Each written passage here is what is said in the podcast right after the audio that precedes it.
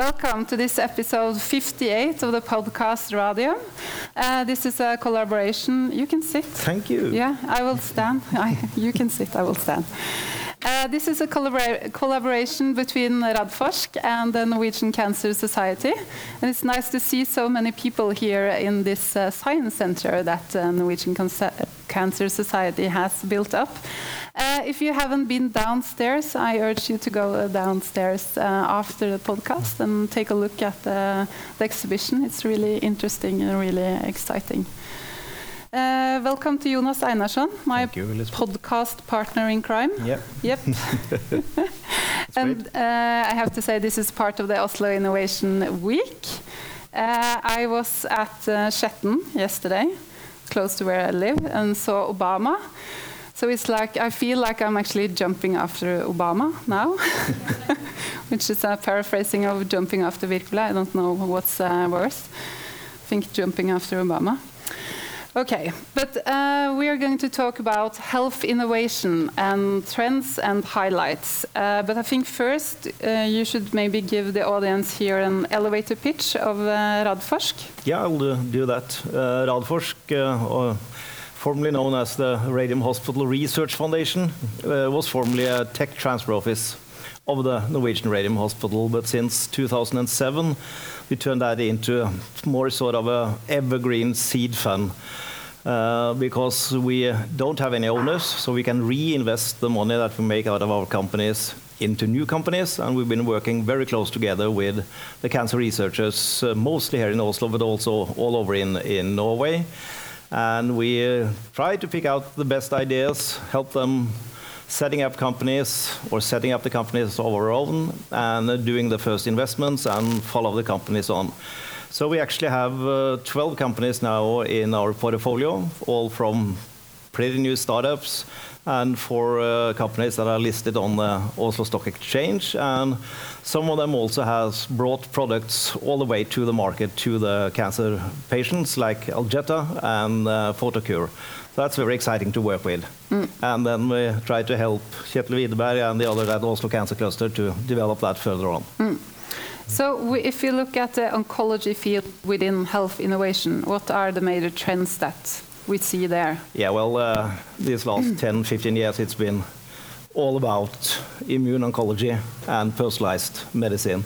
So it's both that we work with the immuno-oncology and try to find the right cure for the right patient, uh, but then also we have to be a part of the, the great artif artificial uh, intelligence era and, and uh, use big data to, to, to, find this. So we actually also have one company that's working with, with software in our portfolio, but it's, it's all about immuno-oncology. Yeah for us, but I think we will talk more about digitalization, how it uh, transforms yeah. I mean, I mean, uh, health uh, innovation. It's, it's the medtech uh, yeah. area and, and, the big data that's uh, that's equally important for for the future of health innovation. Mm. Um, then I think we will start with our first uh, guests because we are not chatting up here alone. That will be too boring. That we do in our studio when we don't have an audience. Uh, it's a pleasure to invite up Kjetil Lund, Vice Mayor for Business Development and Public Ownership, Oslo, Oslo City Government. Please come up and please give him a give applause. Thank you. and also Siv uh, Andersen, Director International Relations, Oslo Business Region, and Project Manager of the Oslo Innovation Week. Big applause for you too. Uh, first of all, see congrat uh, congratulations with yet another uh, successful Oslo Innovation Week. Thank you. Thank yeah, you. I, you seem very refreshed and not tired. I have a great team, so it's been busy, a busy week. I'm, I can not uh, say that it has not, but it's been uh, really, really fun. So that's fun and energetic as well. Yeah, yeah, yeah, it's really good. Yeah. Uh, I would like to start there first because we're going to take a more local view uh, in this session of Oslo and uh, health innovation in Oslo. But to start first with uh, Oslo Innovation Week, uh, Kjetil, uh, what has been the most interesting and inspiring in general and then in health, as you see it?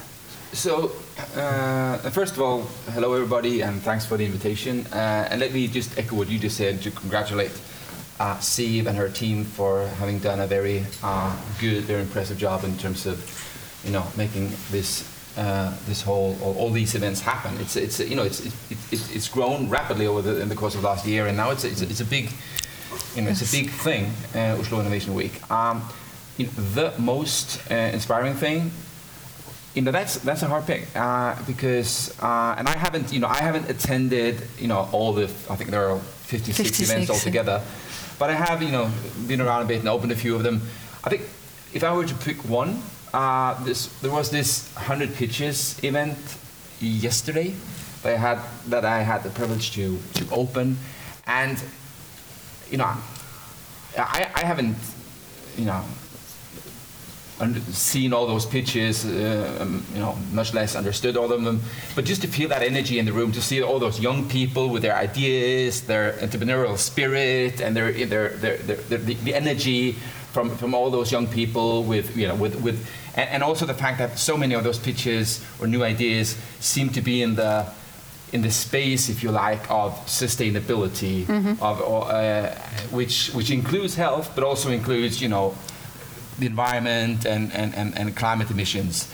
Uh, and that, because that, you know, one thing is that is super important in itself, and also fits very well with the fact that, you know, that we, the city of Oslo, has very high, you know, climate emissions or uh, climate emission targets, uh, and have implemented new policies to reduce emissions, and are always looking forward to or looking into how we can, you know, develop those policies further. So to have, you know, get all that help from new ideas is super important. And next year we will be the European Green Capital, as you uh, may might, or may not know. Might have know. read in the paper. So, so, so, so that will also, you know, provide uh, uh, new opportunities for, for, for companies in that area to showcase their ideas and products and services. Mm-hmm.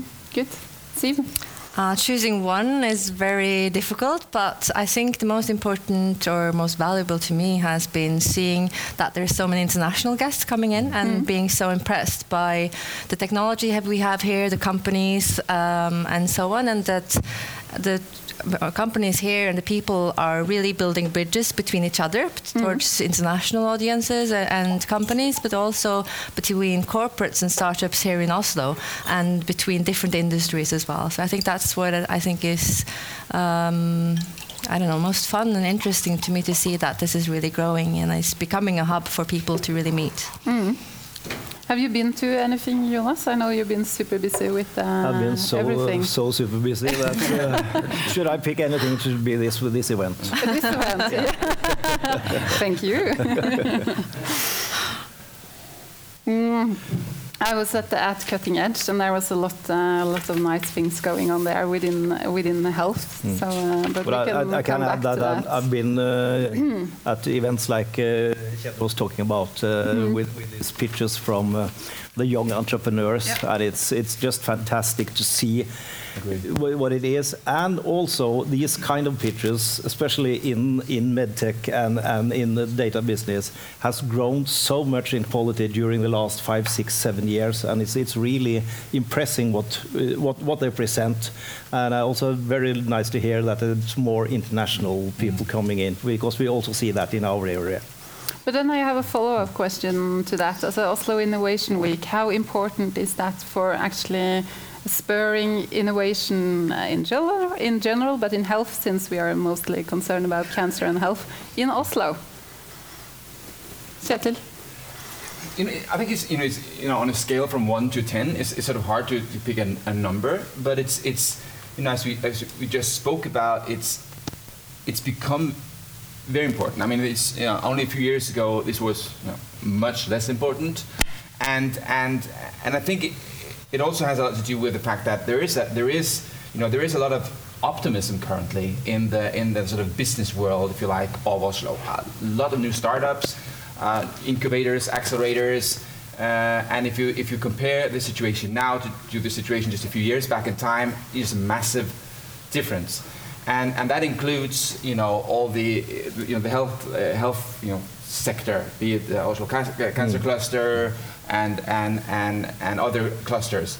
So, so, and I think Oslo Innovation Week has been important just on, well, to promote that, but also to bring in new ideas and, and, and uh, including from, from overseas. So, so, you know, is it a seven, is it an eight, but it's certainly a high number.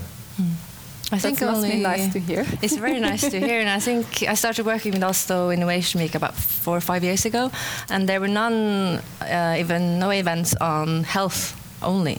And this year only, I think there's three or four events focusing only on health, which is really great to see that it's a big focus because it's an important industry for, for Norway and for Oslo. But, and do you also think that bringing uh, the international crowd here and also branding Oslo as a place to be, because we have to remember we are quite small country, far to the north. We're very We're not, small. we're not in the center of the world. And I so think how much do you think this has to do? I think all companies, uh, all Norwegian companies, has to have collaborations or customers or investors coming from an international crowd. So of course it's important meeting place. And we, I've heard like when people um, invite people, uh, international guests here, they invite them for Oslo Innovation Week because then you can meet everyone at the same time Yeah. as well. Because people come to Oslo for uh, not only from Oslo but from all over Norway as well. And it's a small community and it's a small, nice city, but so much going on. Um, Th- Though, though we are a, a small country and uh, up in the north, as you say, in our part of, uh, of the sector, all of our companies, I think that's also uh, becoming uh, the truth in, in medtech, they, they are born globally. That, that means they, they have the, the whole world as the market, and we have to look to the US and uh, Europe at, at once when we start the company. So all international collaboration is important from the very beginning of these companies. And it's nice to have people come here rather than going That's abroad all the time, or is it? Absolutely. Yeah, you're just going to New York again next uh, week Yeah. for another conference. So, yeah. Yes. Um, talking about the health industry, uh, the Norwegian government is working now on a white paper on the health industry.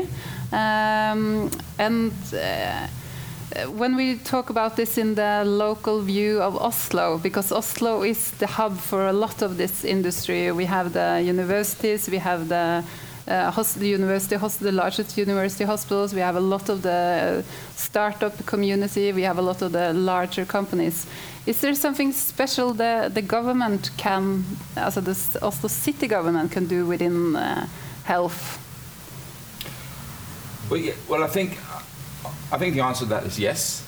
Uh, you know, uh, that being said, uh, you know, I guess the most important the most important sort of success criteria is or political framework in order to create an environment whereby uh, health companies succeed or other businesses succeed.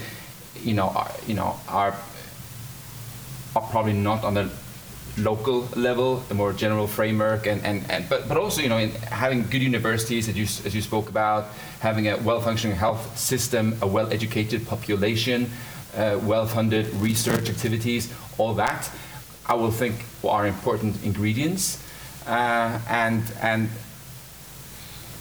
But I think the local community or the city uh, has a role to play as well. And one thing I would like to mention is that a, a sort of a concept that we're working on now is to establish establish uh, what we call innovation districts, uh, where we will try to where we'll have certain areas designated for businesses or clusters to to flourish, to to to, to locate uh, close to each other and learn from each other.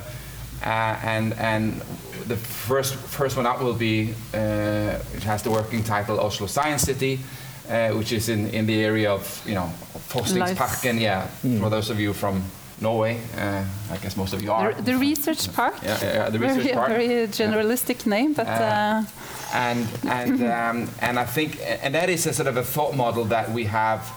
You know, we've seen other uh, cities that that you know where where you know that are always end up high on the lists of being business friendly are are using uh, this sort of tool or this way of thinking, be it Copenhagen, be it, uh, Stockholm.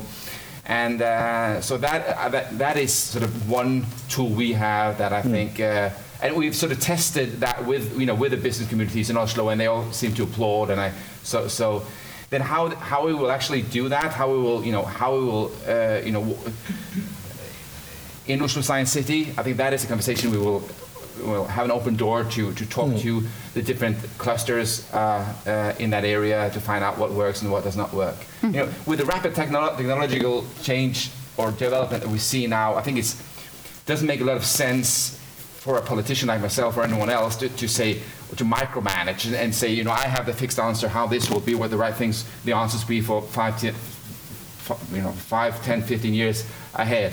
So you have to have an open mind and, and have a close dialogue with the, you know, with the people out there too. And last but not least, you know, for all the good things the politi- political pol- politicians can do, be it local or, or national, you know, politicians, the most, you know, the key people are the innovative people, the people that take the risk, that do the hard work, that have, you know, you know and, and, and do the innovation. Hmm. And, and, and so, so I think that's important to say. Hmm.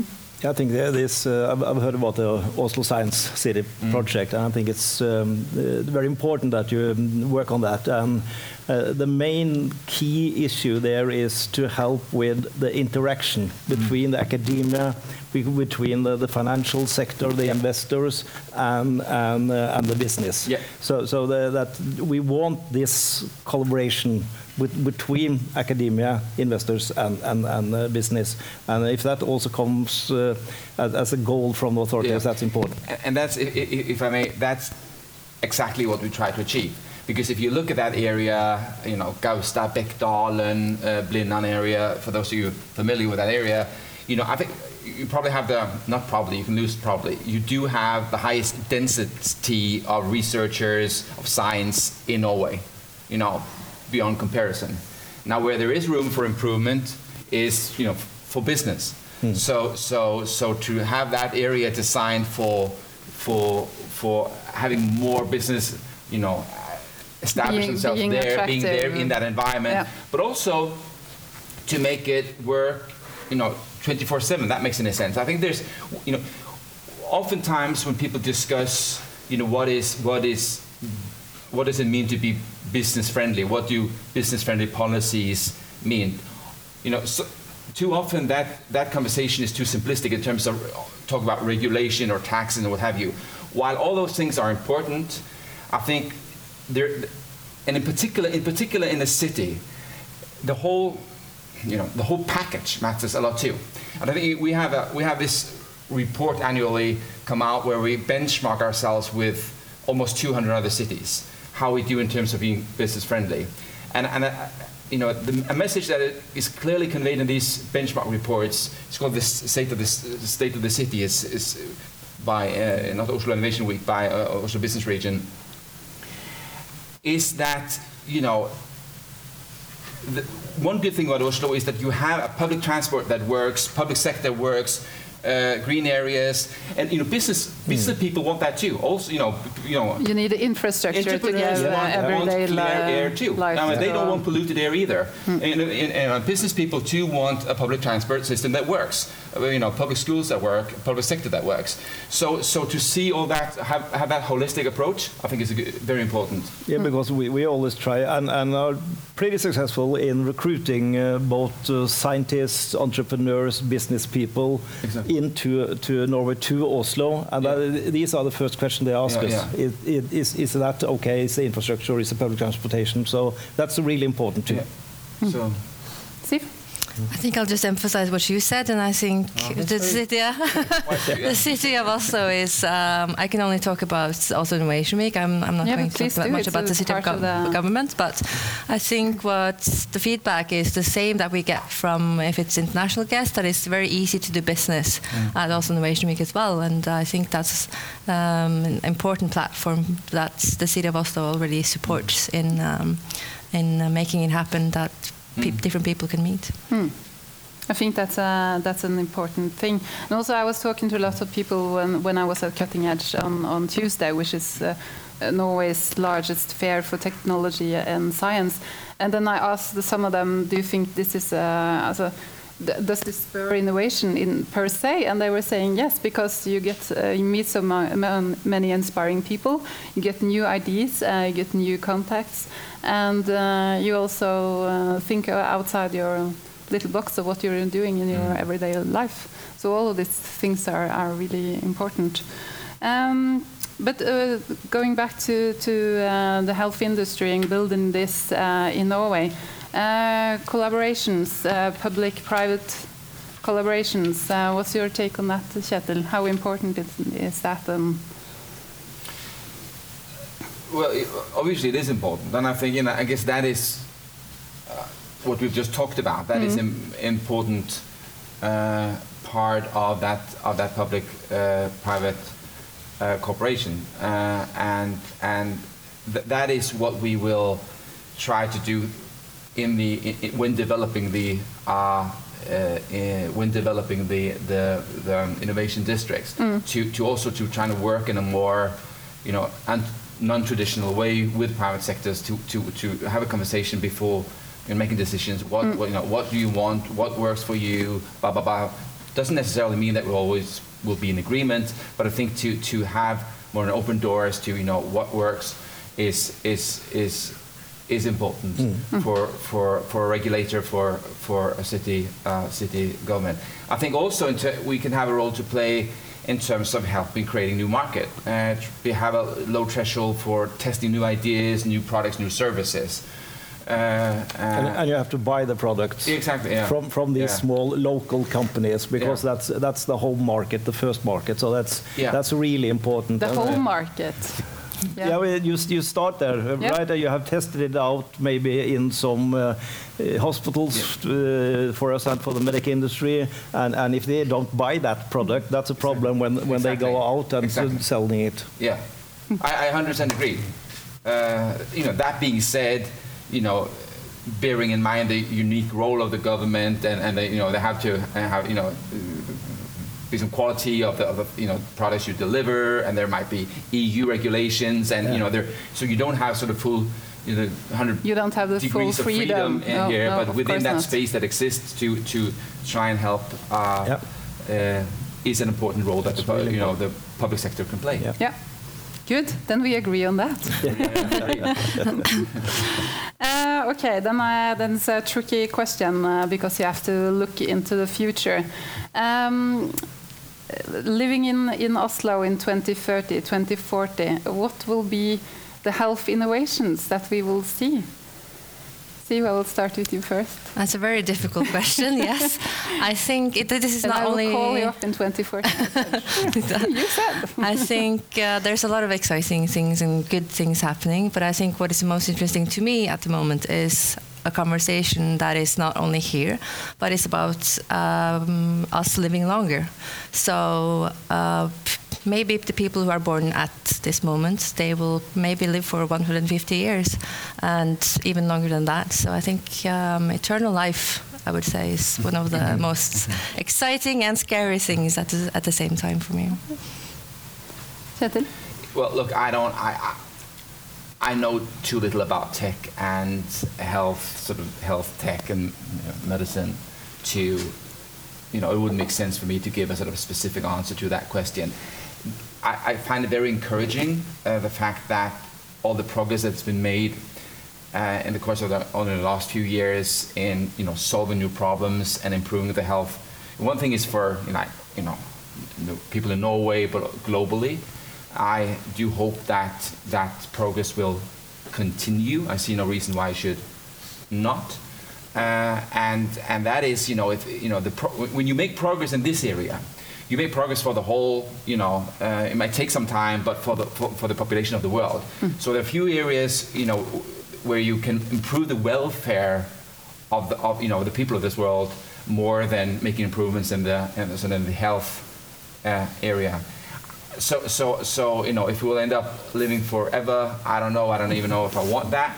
But, but um, As long but as you're he- think- I think- healthy and sane, but uh, I mean, that's but- the issue. So, so, so yeah, but, about, but, but you know, so, so there are massive reasons for being optimistic, but there's also, I think, uh, quite a few, you know, difficult conversation that we have before us in terms of, you know, what are we okay with, where, what are we not uh, okay with, where do, do we draw the lines, you know, in terms of, of what we can fix, what we want to fix, uh, informa- personal information, you know, what uh, artificial intelligence. So, so so sometimes when, when people are super optimistic about you know, uh, all the you know all the possibilities with new technology. I, you know, I, I think it's also important to to, to Slow down. yeah, I, I mean, th- returning to the, to the 100 pitches, uh, I- there was one pitch I saw where you know you, ha- you can have a new a new technology where well, I guess I guess it's even not, not even a new technology where but you, you could you know, when you in, had a job interview. This is not about health. This is just general. Yeah, yeah, that's You, fine. you have someone with a job interview and you took a foot, you took a photograph of, of that person. Uh, while he was, you know, you interviewing a new person for a new job, you wanted to hire someone, so you're the boss, and, and, and you get his photo there and then, and you link that to the net, and you get, you know, you link that to, I don't know, all the things that he or she has posted on Facebook or Twitter or social media or his profile. Is this the kind of guy we want? You know, does he have the right opinions, views? But, but I don't know if I if that is to my liking. I don't know if that's you know I don't I don't know if that's the direction I want us to move in. See what I mean? And and and and um, so I'm not drawing any conclusions here. I'm just saying that as technology, you know, makes progress, as our uh, ability to solve problems, you know, develop, there will will also be you know difficult conversations to be held. Mm, absolutely. Jonas, do you have a? Yeah, well, what uh, are you dreaming for in 2014? I'm uh, not dreaming about that, but uh, um, it's more like a nightmare. No, it isn't. yeah, no, I think on, she was, she was uh, into it that we take in in account and take it in uh, that uh, we are really going to live longer, Yeah. uh, We are. and how we're going to solve that. Uh, I mean, uh, I can take out my my pension uh, next year, and uh, if I live to I'm, uh, I'm 100 and I've uh, 40 years, the government is going to pay for me. Uh, and uh, we can't put all the people above 75 or 80 into elderly homes. We have to treat them, if they get ill, as long as possible in their homes. So, so we, we have to, to take that uh, in and, and start finding the solution for that already now. Good. This is the last day of Oslo Innovation Week. No, No? tomorrow is the last Tomorrow day. is the yes, last one, day. two more days. Yeah, Okay. that's right. So uh, have fun with that. Thank and, you. Uh, great job that you've been doing. Thank you so much for uh, coming. and have you a for having good us. uh, Oslo Innovation Week uh, further. Thank you. Thank, you so much. Applause, people.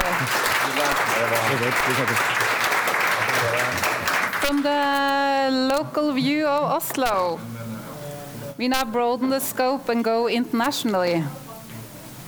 Such a pleasure to invite up on stage two people with a strong passion for health innovation. Dr. Leslie Levine, CEO and Chief Scientific Officer of Excite International. Please. And uh, applause, people. And also Jon Berland, uh, Innovation Director, Supra Steria Scandinavia. Thank you. Welcome, both of you, uh, and special welcome to you, uh, Leslie, which um, you come all the way from Canada. It's nice to have you here. Yes. Um, first, we are very curious to know what uh, the two of you and the two organizations you work for do within health innovation. Uh, Dr. Leslie, I think we'll start with you. Yeah, sure. Um, uh, thanks for having thanks, thanks for having me. Um, so I've been evaluating uh, health technologies, I think from the day I was born, 200 years ago. Um, but uh, it, it became very clear to me that um, about five years ago, came to conclusion that we were stifling innovation by the way we evaluated technology that we were making judgment calls on technologies that had been evaluated to satisfy regulators than not to satisfy health systems. Um, and uh, I took the infrastructure that I'd built for the purposes of evaluating technologies for health systems, and I slipped it upstream in the health cycle and the technology cycle so that we would bring all the payers and health systems and innovators and scientists and crazy people into that pre-market space, all at the front end. So we could answer all the questions that were important to them at the front and not at the back end of the technology cycle. We call that EXCITE. Stands for Excellence in Clinical Innovation and Technology Evaluation. That does spell EXCITE, in case you want to go back and have a look at it um, and uh, started a, uh, a pilot really at a place called MaRS in Toronto, which is one and a half million square feet of innovation space. for incubation and uh, accelerators. Um, we tried it out uh, and uh, it actually worked. We had industry talking to payers, talking to government, talking to health systems and providers and patients and everyone else who were impacted.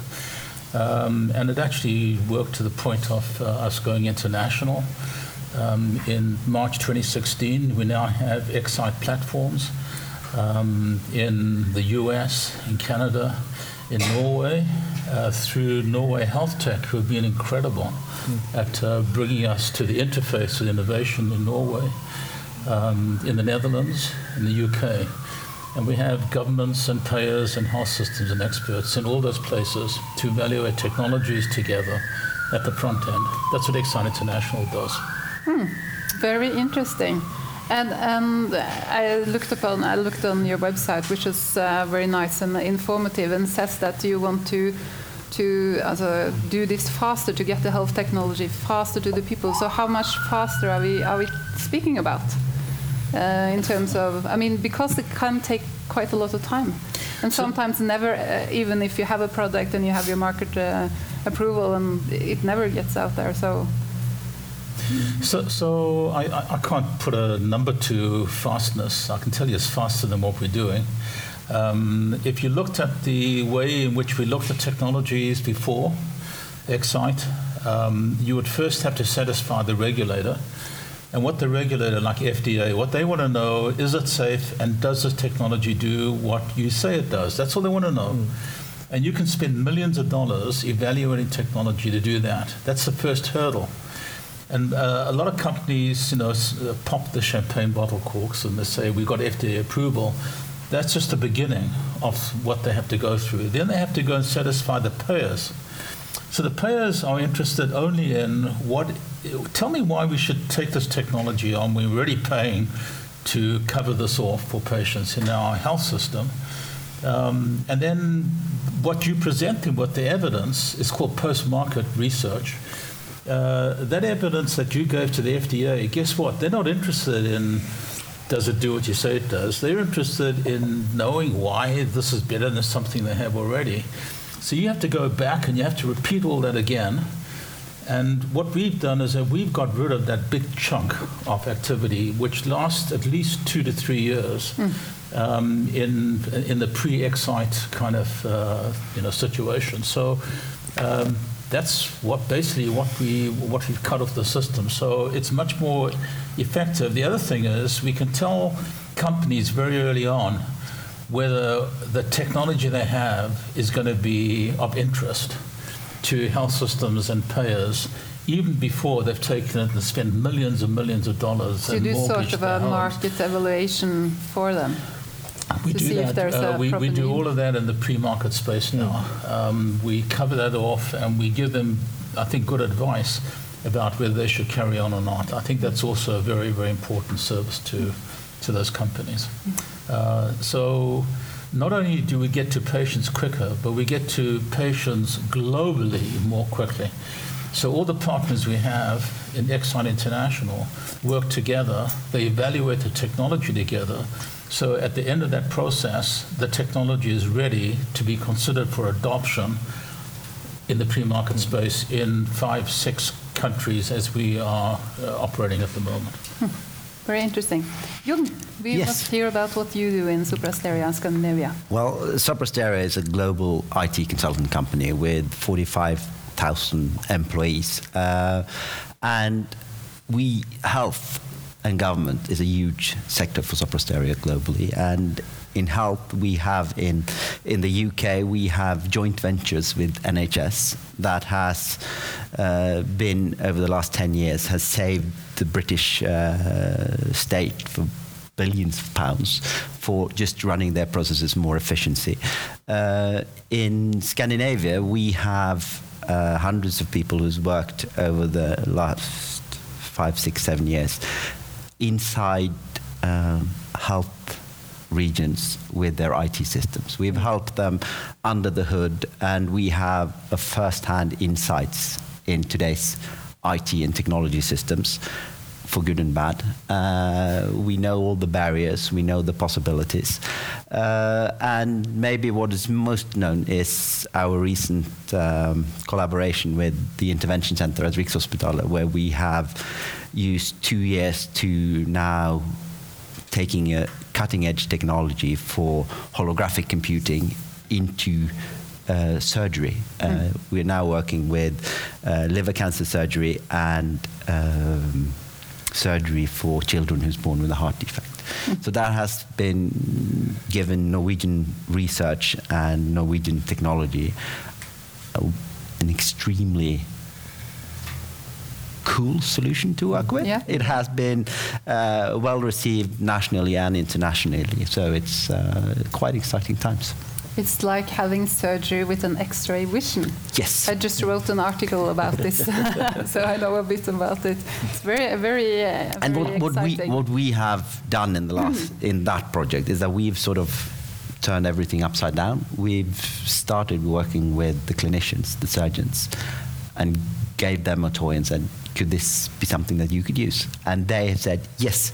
This could help me do a better job. Mm. So we have sort of twisted up. We didn't come with something to sell.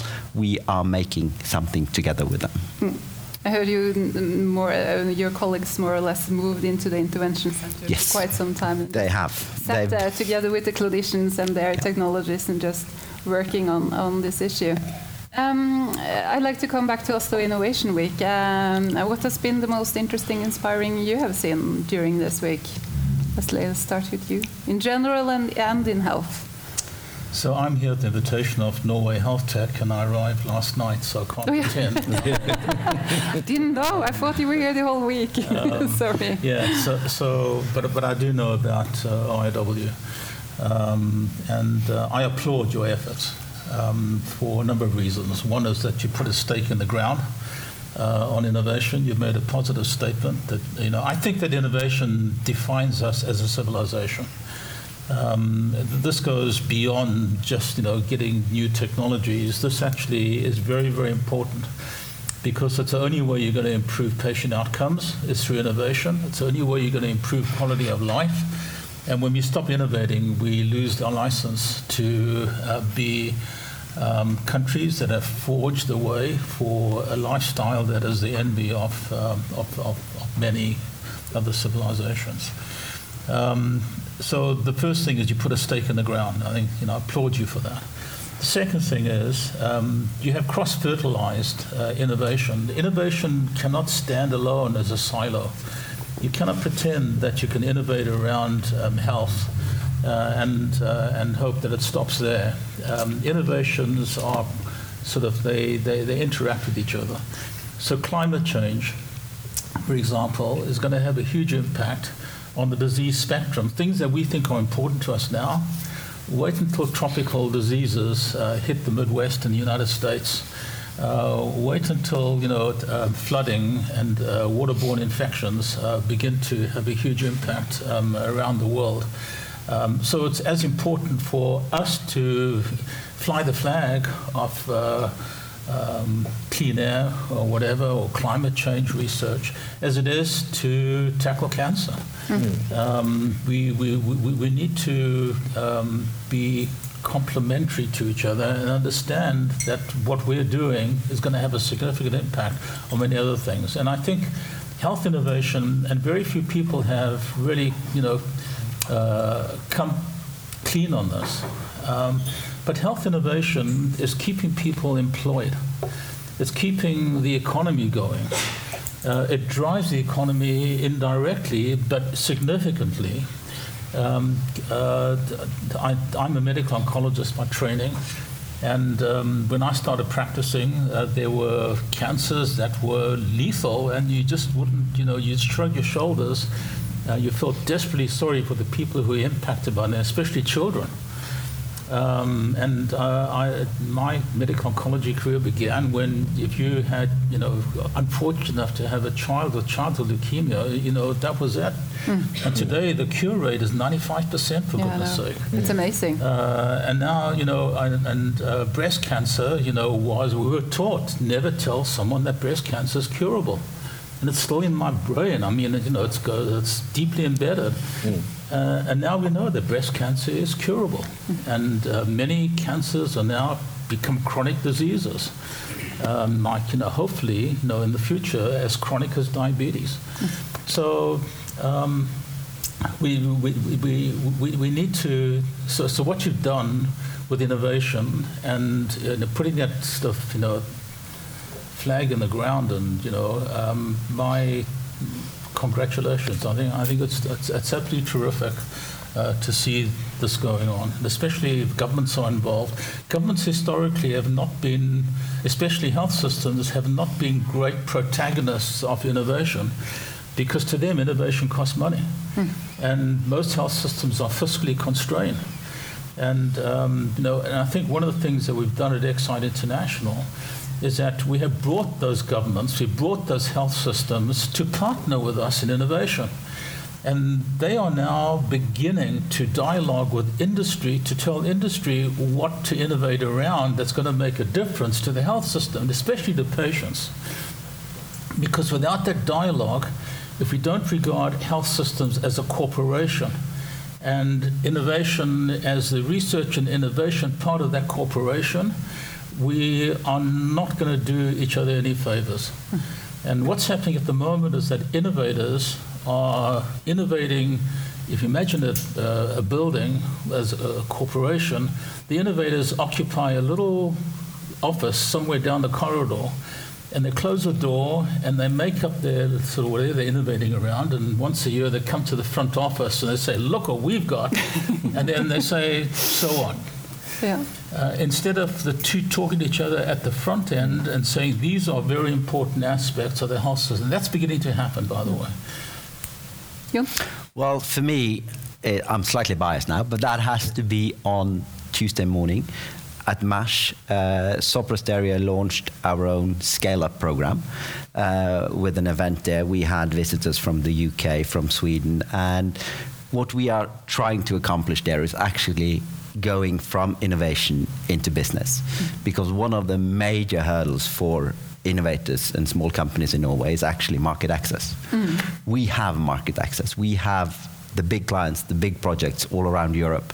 So with Scale Up, we are selecting a few mature startups who's going into scale up phase, and we are putting them into our delivery portfolio and putting them right at the table with our clients to solve their problems. Mm. So, with the launch of Sopra Steria Scale Up, I think that's the most exciting thing for me at mm. uh, Oslo Innovation. Sounds like a very good uh, good idea. Do you have some examples uh, on what kind of uh, is this in health or is it in general? It, it, this is in general. Yeah. Uh, we have a, a, wide range of sectors that we are working on, mm. and um, at the opening in um, on Tuesday, uh, NAV, the mm. Norwegian Welfare organization was there with open arms and welcoming startup to come help them solve uh, a very specific challenge. Mm. And these, bringing those big clients in the same room with startups previously has been quite of a cultural shock for everyone hmm. because mm. They don't speak the same language. Do they come from different planets? Yes, yes. they do. They do. so being that mediator, that broker in the middle, that making sure that they understand each other mm. and not least knowing that there is a huge gap between those two and trying to bridge that by using all our expertise into putting the stamp of approval of it because we know the systems on the other hand. So mm. we are going to make that matchmaking. Mm. Sounds good. Uh, looking at the world uh, globally, internationally, wh what are the trends you see within health? What's going on now? What are, what are the disrupting technologies we should uh, look out for? Leslie? You know what, I been around too long to to believe in a specific direction. Um, we're all obsessed at the moment with artificial intelligence. We're all obsessed with genetics. I'm not saying that they are not going anywhere, um, but I do sound a note of caution. Uh, because we get caught up with the moment, and we get caught up with the notion that artificial intelligence is going to rule the world. Um, in the health system, it's questionable the impact it has had. Mm. Um, but I would point to certain trends that are going on uh, in the health systems internationally. And you need to look out for these because they are going to have a huge impact in the way we behave and what we respond to. Um, who would have thought two years ago that Apple will become involved in health system management? Now, think about it it's a trillion dollar company, they employ more than five people. Uh, the, the, one of the significant costs to Apple happens to be health, health costs, especially in the US. And don't be surprised if Apple increasingly get into health system of their own and managing them, their own, their, their own employees and their own health systems. When that happens at a large enough scale, they're already getting involved with some of the uh, hospitals in the US and health systems in the US. When that happens, don't be surprised to find huge innovations coming our way in terms of the way in which the health systems are organized and orchestrated uh, and managed. Hmm. Because they're going to have their own ideas, their own technologies, their own thought processes in responding to the needs of health systems. And I think that's a very positive thing. Hmm. Positive so, competition. So think about Uber. Who would have thought that Uber would be in the ambulance um, market for non acute patients? Uh, and they are getting into that. Think about Amazon. Who, would who is better organized internationally to manage the supply chain in health systems than Amazon? And you know, don't be surprised that they are going to be innovating big time in health systems as health systems begin to rely increasingly on them. And finally, don't be surprised to find multinationals such as Medtronic who are getting into deals with governments around the world to say, here's a new technology, tell us what you would regard as the value add for this technology to your patients, and we will deliver the technology. And if we don't deliver according to your value add, we'll give you your money back. Now, I've, I've heard the CEO of Medtronic say that publicly at a meeting in London. Um, so, so, guess what Medtronic are now doing? They are they have agreements with, um, with health systems in the US and the UK where they are running diabetes programs and coronary stent programs uh, run by Medtronic. Uh, they're getting into that, that, that, area. So don't be surprised that multinationals are going to increasingly get in. The reason I'm putting, sort of stating this is that innovation is going to come from a space and a place you won't even recognize, and the impact it's going to have is going to be considerable. So when we talk about artificial intelligence, and I'm, I'm a fan of artificial intelligence, but you know, show me the proof. And genetics, I'm a fan of genetics, but you know, show me the application that's going to make a big time difference. Um, but this is where innovation is going to be spinning off from. Hmm. Yeah. Well, I, I agree. And I, would say that there are three areas mm, from my perspective, and that is you know, we have AI, we have all these sort of technologies, hypes, and, and they are coming. But one of the major trends with those technologies, I'm not going to pick one or the other, but it's the speed that it's happening mm. at. And everything is happening at the same time at a tremendous speed.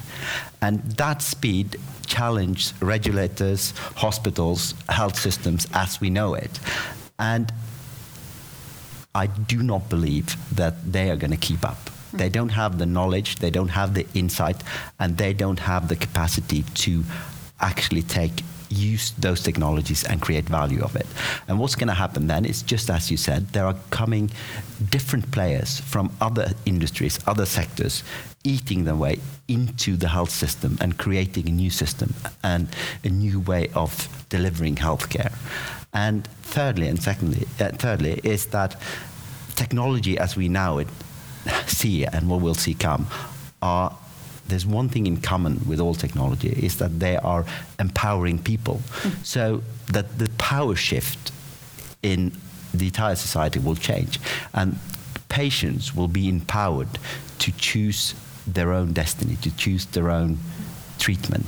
Mm outside today's system. So those three elements are all playing in at a tremendous speed. Mm. So keeping up with it is going to be quite challenging, but very interesting. Mm. Just to talk about patients quickly, it's I think patients are terribly important. So, for 15 years, I've tried to find the intersection for patients in technology development, and I failed to do that in a convincing way. Putting patients on a committee is not the way to do it. Uh, that's just window dressing. Um, until I met a guy who was at a meeting in Abu Dhabi. The meeting was on digital technology. And uh, after intermission, there were 500 people at this meeting. After intermission, he stood up and said, Is there anyone in the audience who's a patient? No hand went up. He said, Is anyone in the audience who's a physician? One hand went up. And on the plane on the way back, he invented something he called patients included. Uh, which is now it's run out of Nijmegen in the Netherlands. Um, the, the, BMJ will not uh, run the whole BMJ based of the patients based on patient input. So a significant input by patients in the way we evolve technologies and where we put our emphasis is going to become increasingly important. In fact, at Excite International, we now have he, this person who started this thing off, um, he chairs our committee. The committee is called Patients Included Committee.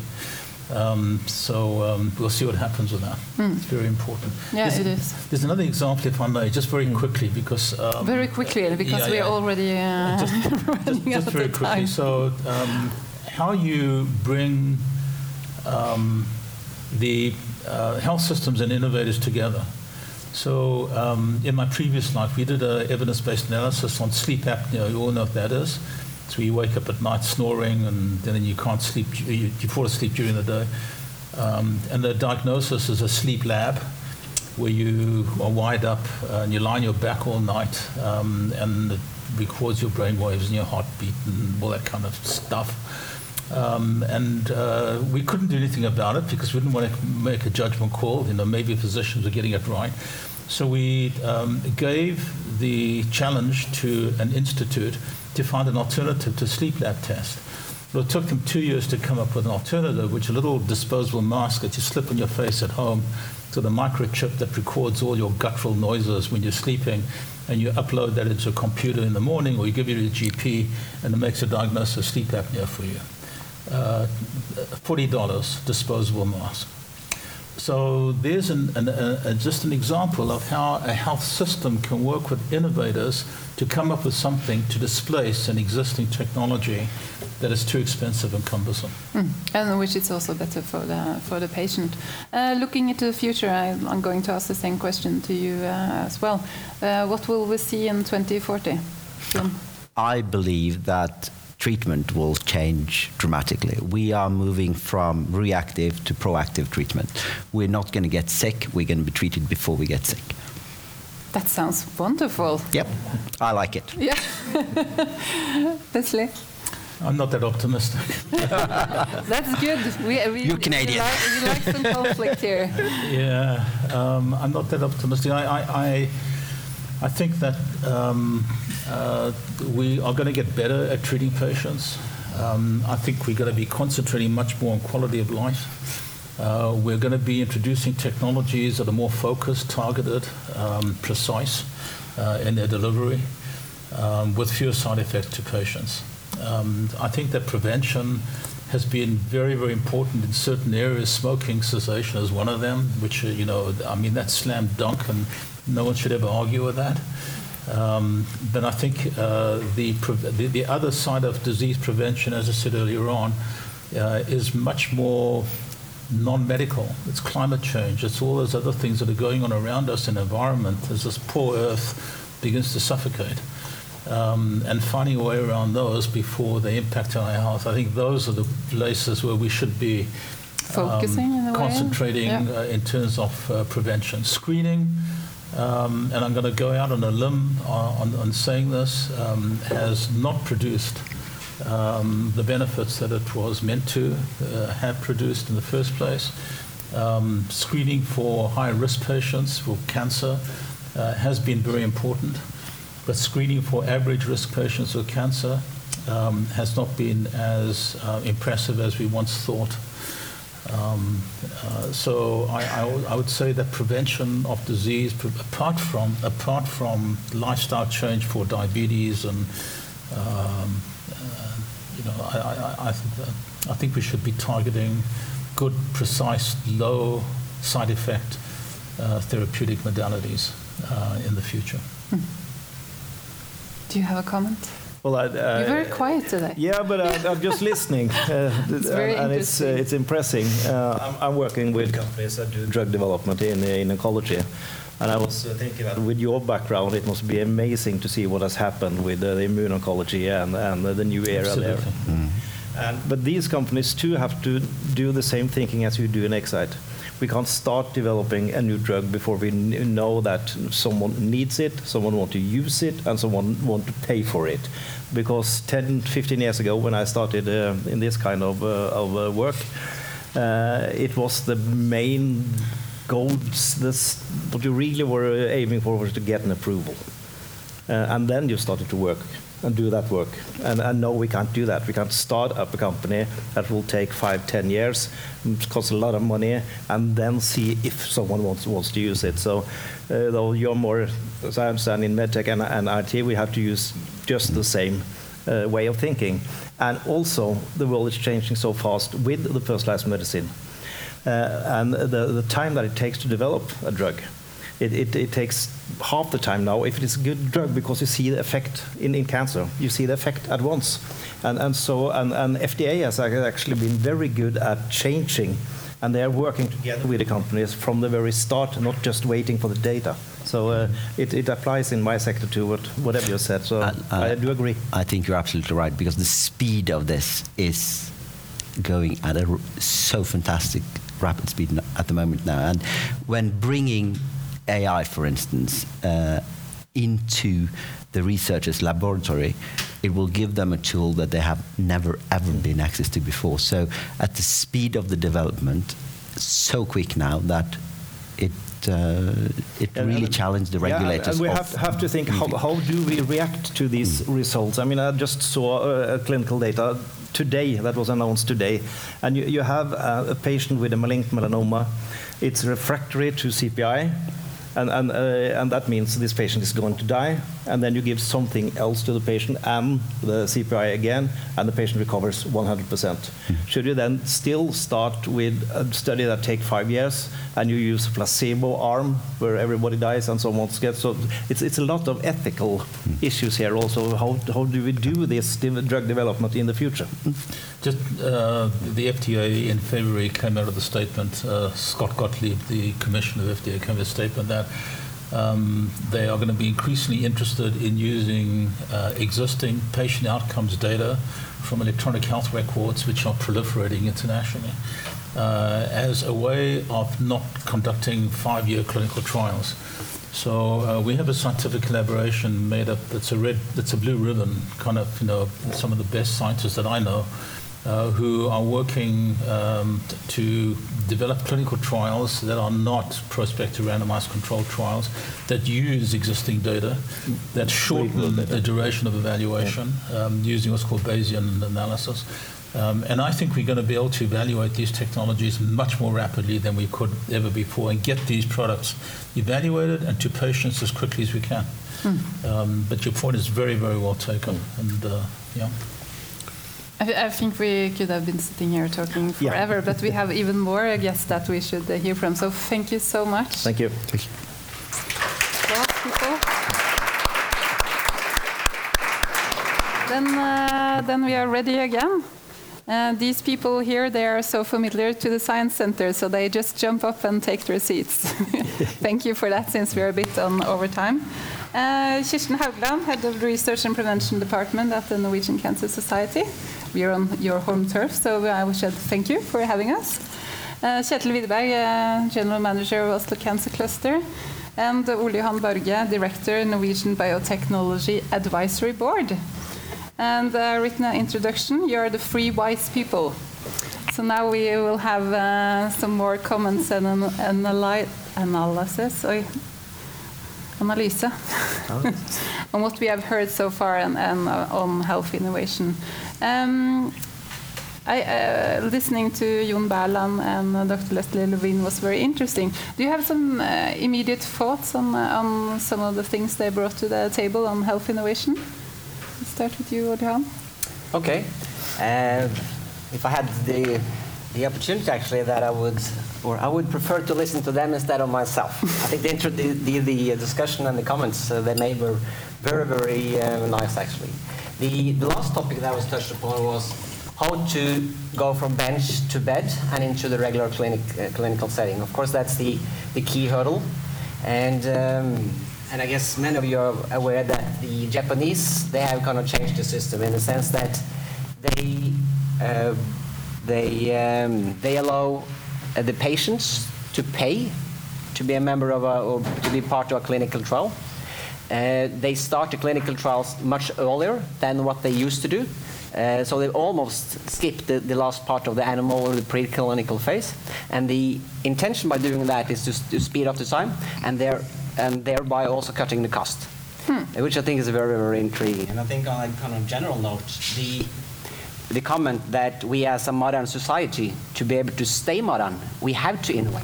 Mm. It's, not, it's not something that we, uh, we should do if we had the time, but we have to do it. I think it's quite cool, actually. Mm. Yeah, I like to quote Dr. Levin, who said, "You don't innovate in a silo." And I think that's very important because we have to, and I think the, John as well said, you have to make a partnership and you have to collaborate with the patient's organization, the user involvement, and also the industry and the uh, health sector as well. So I think that's very important, and it was so interesting listening to them talking about that because he also said something about that will make the health care technology uh, come uh, easy, uh, faster and easier to the patient. So I think that was very important. Mm. No, there were many aspects that were interesting. Uh, I think one of them was how, how do we how do we improve uh, the adoption of new technology, and especially so, so if you think about this, so medicine is need to be accelerated by using real world data as data from the health system to, to, to document. But when you come into health technology, the pathways are a little more blurry. It's not that straightforward how it should be regulated. And when you come to software, it's really an uncertain territory. And I think this area is something where, okay, so how do you as a society ensure that it's, uh, you get the benefit from what Apple or other companies are doing with this in this field? And, and especially uh, using artificial intelligence, for example. So let's say you have a algorithm that are using deep learning. So by nature, you cannot document every step it's doing. But if you are dependent on their input on treatment of sick people. So how would you as a society deal with that? Mm. I think these issues are very interesting when we're now going forward to adopt that kind of technology. And that would probably land at your table, uh, maybe, uh, or, or I, am sending it over to you, uh, Julian, right? Do you have a comment? Sure. We can, uh, we can have sort of a debate here, that's fun. no, but it's, it's a, it's a well-made point, though. I mean, we are used to regulate that technology and a process or step-by-step based technology. What if we don't control the steps? Mm. Then how should we regulate it and how should we uh, approach it?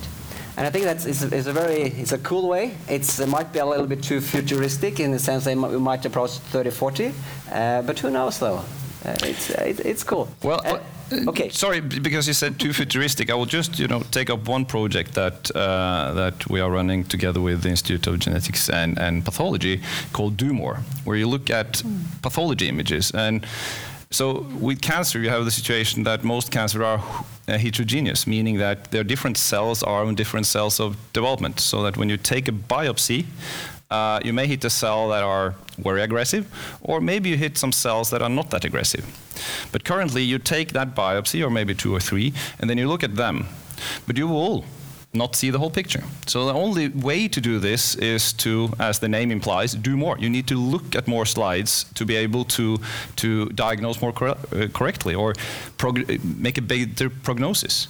And then um, and then by using dig digital technology, you can do this. So you can electronically look through all of these instead of some images, maybe 10,000 of it. And then you need artificial intelligence to see so where are the cells and, and what could be applied because you don't have enough pathologists in the world to do this. And this project is currently, you know, very concrete. It, it's showing uh, very concrete, exciting results. So I don't think it's that science fiction. If I may, I, I brought But you have to remember there's a lady in the middle here. Yeah, sorry. you can't say something first. I warned you about it. I know Yeah, this you have guys, to. so it's okay. Uh, I think there's a lot of important aspects here because when we are discussing uh, how to regulate and how to secure patient security or personalized data and so on, in some way it moves fast, in another way it doesn't go so fast as well. And the Mm. It's a lot of patient, talk. yes, a lot of talk, and there's a lot of things going on as well. And I think uh, Dr. Levin mentioned the globally aspect, and I think as a patient, you are looking in the global world uh, while they are discussing. So I think that's important as well. So please discuss. No, but Maybe maybe, that's you should, another point, yeah. uh, maybe you should discuss this with uh, PACE because I've been to Cutting Edge. I was also also at the technology for uh, no f- the future of technology and sustainability yesterday, and several of the lectures I've been listening to, they've been talking about this pace. Everything is happening so fast now. We're in the middle of the fourth industrial re- uh, revolution, and since we have uh, artificial intelligence, machine learning, everything is going so fast that we can't even grasp it. So what are this doing to us as uh, humans and developers? Julian? Um, I want to go back. Um, a couple of weeks ago, I gave a presentation about stem cells. And stem cells, it was the coolest thing that we debated 20 years ago. Uh, it would revolutionize medicine within typically two to three. Uh, the, the less optimistic say five to, said five to 10 years. 20 years later, there is not almost a single new treatment modality that's out there.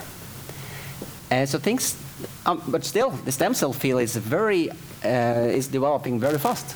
It's one of the most promising fields that we have, but still, it takes time. So, I think it's very important to be aware of the fact that it takes, I mean, much longer time than we can uh, we can grasp actually.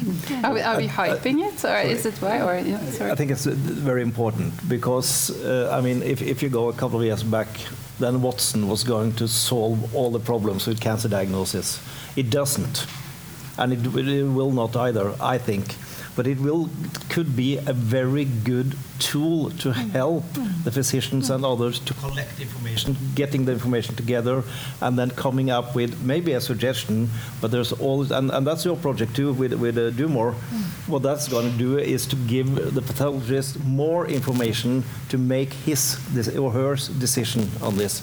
So, so this is not going to solve it, but it will be a, a very good tool to help us do, better prognosis, better diagnosis.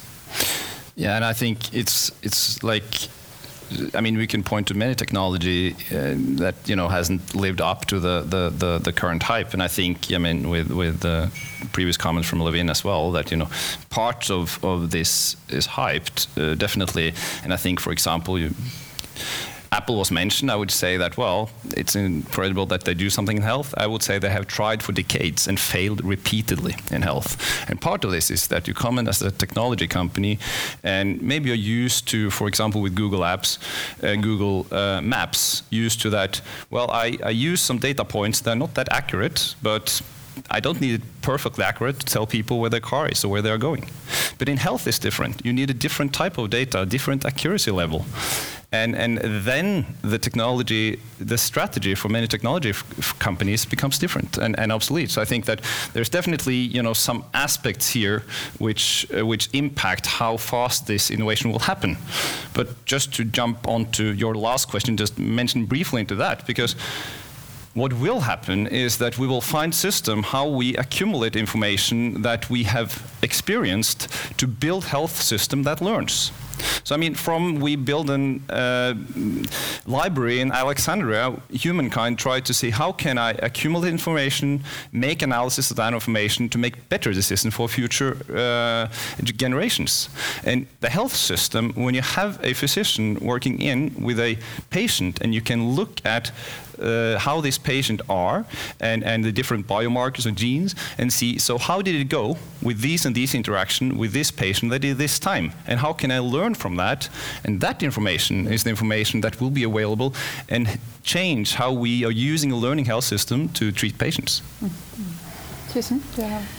I was thinking about, uh, um, in some way, when we are discussing this, we are discussing in like the hospital today are not technology. Because if you are going into Rikshospitalet or any hospital at all, there's a lot of technology. So this has been a long, long time uh, doing that. So I think the the partnership and the work together is important also when we are discussing this. Yeah. Ole Johan? Uh, the quote I wrote this uh, this morning was: uh, "Imagine a, a patient-doctor conversation. And the doctor says, I just got the, an- the analysis from the IT clinic. Uh, they have recommended this as the best treatment for you." And I think what we see today is that the uh, the health sector, both on the community level, but also on the the, um, the specialty areas, they see that ICT is an integrated part of what they're doing. And I think it's we are reaching that point where we should not say say e-health is just health. Yeah. And to be aware of that kind of trend shift um, piggybacks on what uh, Ketil just said that uh, we have to have a system that learns. Uh, I think we have almost exhausted today the, the learning processes you can, you can get as a, as a young physician by looking at the senior one. Uh, you have to look beyond one senior. You need, need to look in, in all seniors or what everybody is doing and, and to learn from that.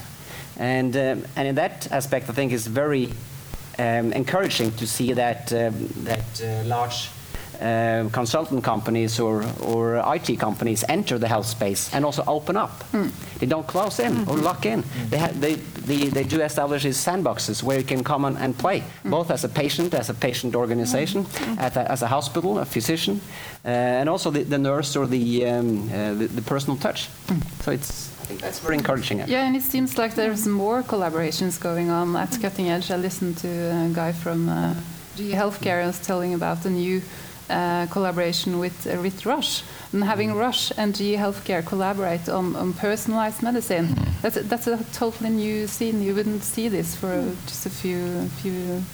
So what uh, what does that uh, has to say, Kjetil? Well, I think you see in a lot of very interesting uh, collaboration model from between pharmaceutical companies and al- also pharmaceutical companies and technology companies, and and uh, you know partly is because they see, realize that well, as we now are starting to develop drugs for a smaller group of patients, so how do we build systems and actually be able to deliver this out to patients in the right way?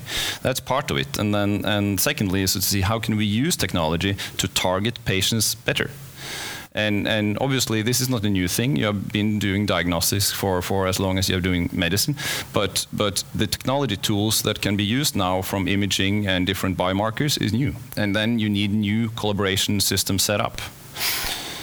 And I think just to go back to you know in Oslo Innovation Week because I, I was also at the cutting edge uh, and, I, and I joined the panel there and it's a little also back to your point Jonas earlier that I joined the panel from from from the young scientists group and he's very happy that they arranged the debate because uh, that was a debate about how do we bring science to become companies and business and how do we bring this notion because one thing is the collaboration from a company with a different technology and another company. But it starts somewhere, and I think that how can we bridge the interest from younger scientists, and also how can we build up institutions like Oslo, Uni- Oslo University and other institutions to to see that we need to think about how this innovation or how this new understanding becomes something that makes a difference from for the patients. Uh, Uh, I think you are right. Uh, just the fact that we are standing here in Oslo Innovation Week in no Norway, um, Norwegian Cancer Society, that isn't taken for granted some years ago. So mm-hmm. I think that w- your point that we are discussing this more openly, and these sandboxes we are discussing how to testing and how to include uh, more together. So mm. I think you have a good point there. Mm. I think one, one challenge that remains is it's costly to fail, but we need to fail to learn. And how do we adapt that mentality in a healthcare system which is constrained uh, regarding finance. And the only answer I, I kind of see is that um, we have to make sure that everybody knows that that's going to be the case. We have to invest, and by investing, we're going to fail. Um, I mean, for one thing, if you buy a sequencer today, you know it's going to be obsolete in three years, which is much faster than the uh, the. Uh, I mean, the machine is still just as fine. I mean, in three years' time. So we have to uh, change the culture in the healthcare system, uh, and that goes all the way from top to the bottom in the sense that uh, it starts with the patient. Um, he or she should know that the treatment he or she gets today is the best we could offer today, but it might be completely wrong. I mean, within genetics, for sure that's the case. Yeah, that's a whole different picture. Not very reassuring when you're a patient in need of care. Do you have a comment? Used to be a No, GP saying this to a patient. Well, uh, you, you have to be honest with with the patients. I mean, we had a deb- debate about that uh, that too. What, what what are the opportunities? Uh, are they costly for you, or or are they for free? Uh, what is the disadvantages or side effects possibly with with this uh, kind of treatment? It's going to be more and more experimental. Uh, drugs that we are using uh, on the patients, and, and also much earlier. Uh, and uh, it's not part of this debate, but, but it's very interesting what you're saying about uh, the Japanese model and, and the way to take these new drugs in a shorter time with less costs and, and, and to the right patient group. And we have this big debate in Norway that these are so, they are so costly, these new cancer treatments. And the industry says, yes, that's because we have to do these very large uh, studies, take so much time, there's so much failure. Well, what happens if we take those hurdles down? Will we then be willing to, to sell these drugs at a, at a cheap cost? That's an interesting debate. Mm-hmm. Uh, we are uh, running out of time, but I have two questions. Maybe you can try to answer them uh, shortly. The first it is the question with the trends that we see in within health innovation. What should we uh, what should we look for? Could you, Ole Johan, uh, use the 30 minutes on the CRISPR technology? Because I, I heard I would, I would given- love to that. learn more about CRISPR, but maybe not. Uh, Sorry. But Ole Johan, is CRISPR is that uh, the one thing we should uh, be looking for, or Yeah, for sure. Yeah. I mean, it, it makes it possible to change genes in a living cell in a living organism, including humans. And by doing that, you can do a lot of wonderful things, uh, we think. Of course, it's not going to be the therapy uh, necessary of tomorrow, uh, but the day after tomorrow, maybe. And uh, what I think is, is really cool about that technology is that you do the changes uh, where they should happen. Because the, it's the- very accurate. very accurate Yeah. in the sense that a, gene is like an instrument in a symphony orchestra. If, it, if, you, if the instrument plays too loud or too or doesn't play at all or play at the wrong time, it doesn't work. Although it, it could be the correct gene or the correct instrument. So, so that's very very interesting. Of course, the immunotherapy or the cell therapy treatments it's, it's very it's very cool to follow. Uh, I think what we're seeing today is the kind of the, the first generation, uh, which I think is going to be they need to evolve to have them climb up in or it could be a first line treatment. Uh, I don't think the treatments we are seeing today is going to be the one that's going to be the first line treatments because they need to be more fail proof.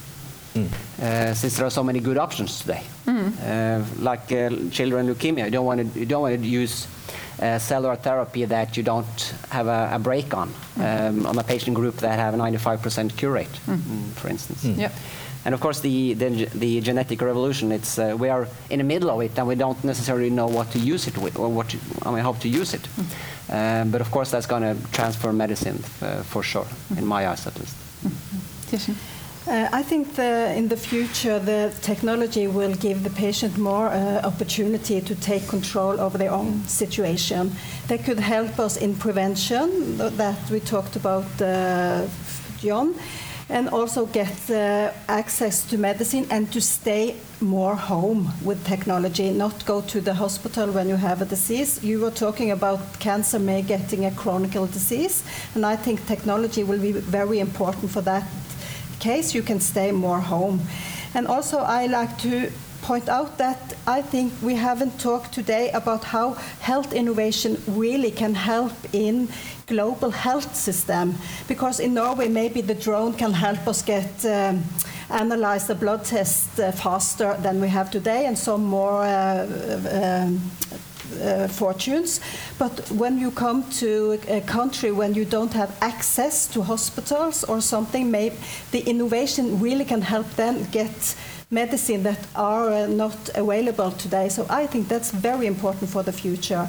And also, uh, we were talking a bit about how the technology is an important tool to make decisions for the doctor and also for the patient when uh, they are going to have personalized targeting medicine and so.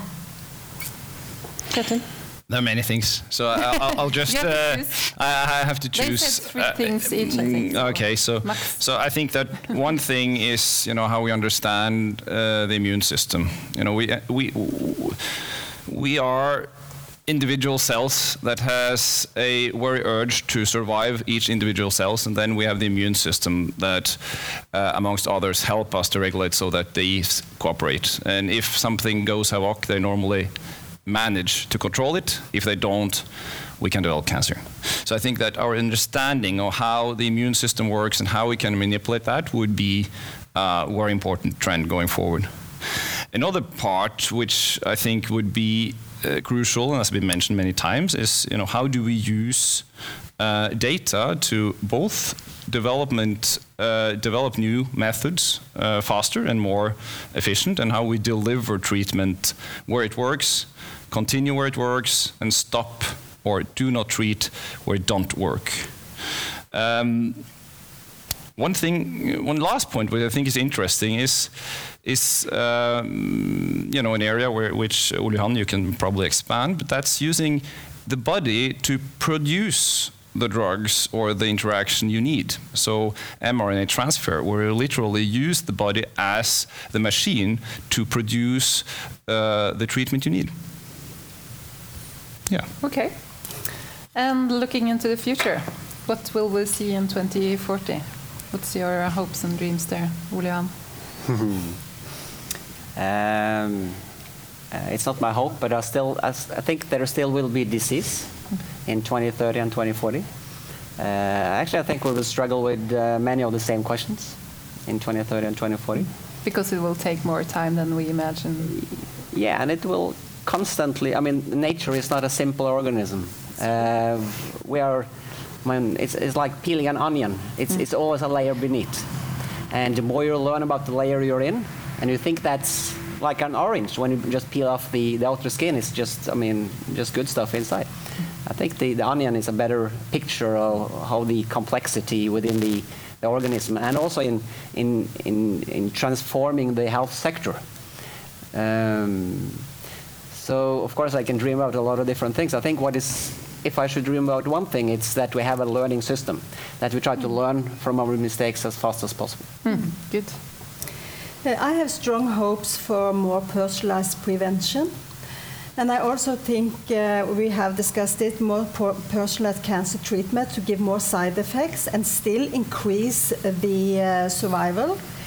And I also hope for the future that we are talking more about the people using the technology, not only the technology as itself.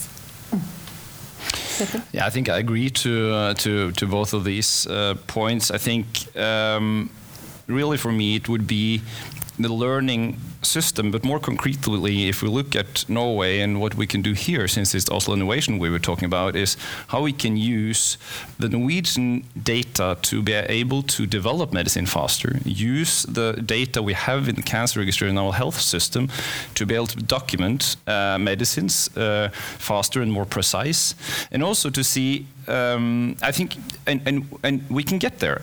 I just want to shortly mention it was mentioned earlier uh, from Levin about cancer screening.